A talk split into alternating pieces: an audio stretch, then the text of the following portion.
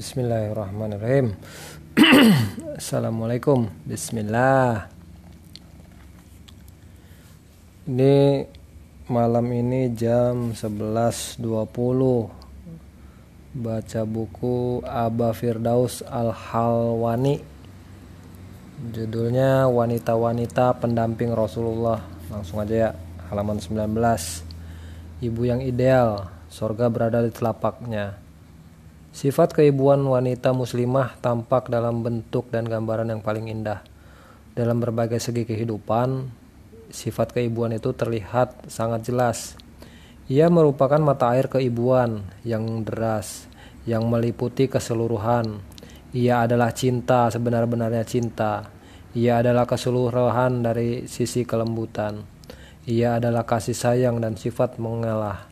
Ia adalah pencurahan tenaga dan pengorbanan.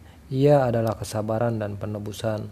Sifat keibuan seorang muslimah senantiasa nampak dalam ke kedamaian dan nampak pula dalam medan peperangan. Karena itu, ia adalah ibu dari para pejuang.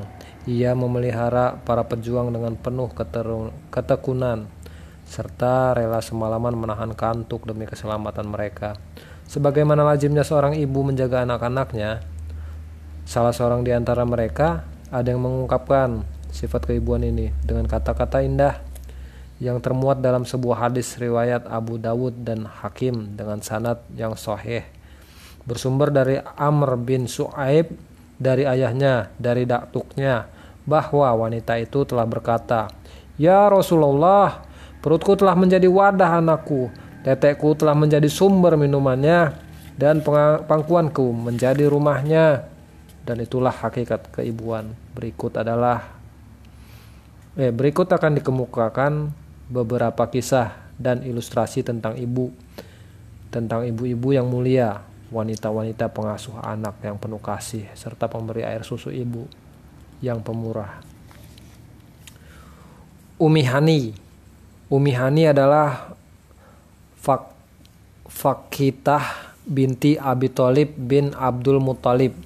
Bila engkau menanyakan siapa dia, maka dia adalah anak paman atau sepupu dari Rasul. Ibunya bernama Fatimah binti Asad bin Hashim, seorang wanita cerdas dari lagi berakhlak mulia dari kana kalangan suku Quraisy. Pada zaman jahiliyah, Umi Umi Hanik pernah dipinang oleh Rasulullah. Sayangnya ayahnya telah mengikuti perjanjian dengan seorang pria bernama Hubairah bin Abi Wahab yang kemudian menikahinya. Ketika Islam telah berkembang, Umi Hani kemudian memeluk agama Islam sementara suaminya masih tetap bertahan di dalam kekafiran.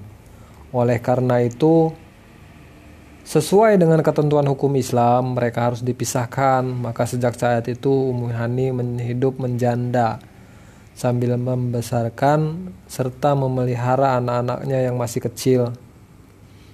Ketika Umi Hani hidup menjanda, Rasulullah mencoba mencoba apa yo? Mencoba melamar untuk yang kedua kali. Namun jawabannya tetap sama. Ya Rasulullah, sungguh Engkau lebih aku cintai daripada pendengaran, penglihatanku sendiri. Tapi hak suami sangatlah besar.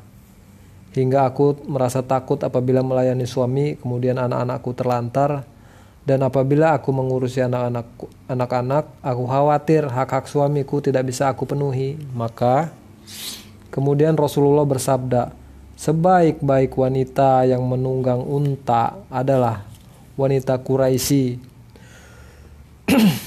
yang sangat penyayang terhadap anak-anaknya yang masih kecil dan sangat hati-hati menjaga hak-hak suami ketika ia menjadi seorang istri.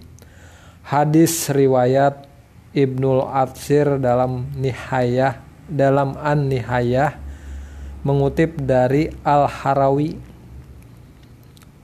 Wanita-wanita Arab pada zaman kejayaan Islam maupun pada zaman jahiliyah mempunyai ciri khas kepribadian yang tinggi lagi mulia. Suka melindungi dan memberi jaminan keamanan kepada orang yang sedang berada dalam ketakutan. Tak ketinggalan Umi Hani binti Abi Thalib pernah memberi perlindungan dan jaminan kepada kedua orang iparnya. Siapa aja yo? Orang ipar. Yang akan dibunuh dalam suatu peristiwa, Umi Hani memiliki kepribadian yang sangat kuat dan menuturkan itu. Ketika Rasulullah telah menduduki kota Makkah bagian pegunungan, datanglah dua orang lelaki kepadaku. Mereka adalah iparku dari Bani Makzum Tiba-tiba saudara kandungku Ali bin Abi Thalib datang seraya berkata, "Demi Allah aku akan membunuh mereka." Lalu segera aku menutup pintu rumah dan memberikan perlindungan kepada mereka. Dan aku langsung menemui Rasulullah hingga kemudian beliau menyambut, menyambut kedatanganku seraya bersabda, "Selamat datang ya Umi Hani. Apa yang bisa saya bantu?" Maka segera Segera aku ceritakan perihal dua orang lelaki yang datang ke rumah untuk meminta perlindungan. Rasulullah kemudian bersabda, Ya Umi Hani, sesungguhnya aku telah memberi perlindungan kepada orang yang kau lindungi. Dan aku memberikan pula jaminan keamanan kepada orang yang kau jamin keamanannya. Karena itu, Ali bin Abi Thalib tidak berhak untuk membunuh mereka. Sirah ibnu Hisam 2.820 dan Al-Bukhari 8.37 8 titik itu bacanya apa ya ada yang kasih tahu Umi Hani adalah seorang sahabat wanita yang ikut serta meriwatkan hadis-hadis Nabi. Imam Bukhari, Muslim, Abu Dawud, Tirmizi, Nasai, dan Ibnu Majah tidak ketinggalan pula meriwayatkan beberapa hadis yang bersumber dari Umi Hani. Perlu dicatat bahwa Umi Hani termasuk sahabat yang dikarunia usia yang panjang hingga melampaui zaman pemerintahan Ali bin Abi Thalib. Ukhti muslimah, tahukah Anda bagaimana Islam telah mengangkat kedudukan kaum wanita serta melepaskan mereka dari belenggu budaya jahiliyah dan menjunjung tinggi hak-haknya sebelum dan belum pernah Anda kenal di antara kewajibannya eh di antara jawabannya adalah hal yang menunjukkan bahwa Islam memuliakan dan memelihara perasaan kaum wanita sebagaimana perbuatan Rasulullah ketika berjanji untuk memberikan perlindungan dan jaminan keamanan kepada orang yang dilindungi Umi Hanik Umi Hani yakni yang terungkap dalam sabda beliau Ya Umma ya Hanik, eh ya Umma Hanik. Sungguh aku telah memberi perlindungan kepada orang yang kau lindungi. Ukti Muktima bisakah Anda mengemukakan, sesuatu yang menunjukkan tentang dihormatinya?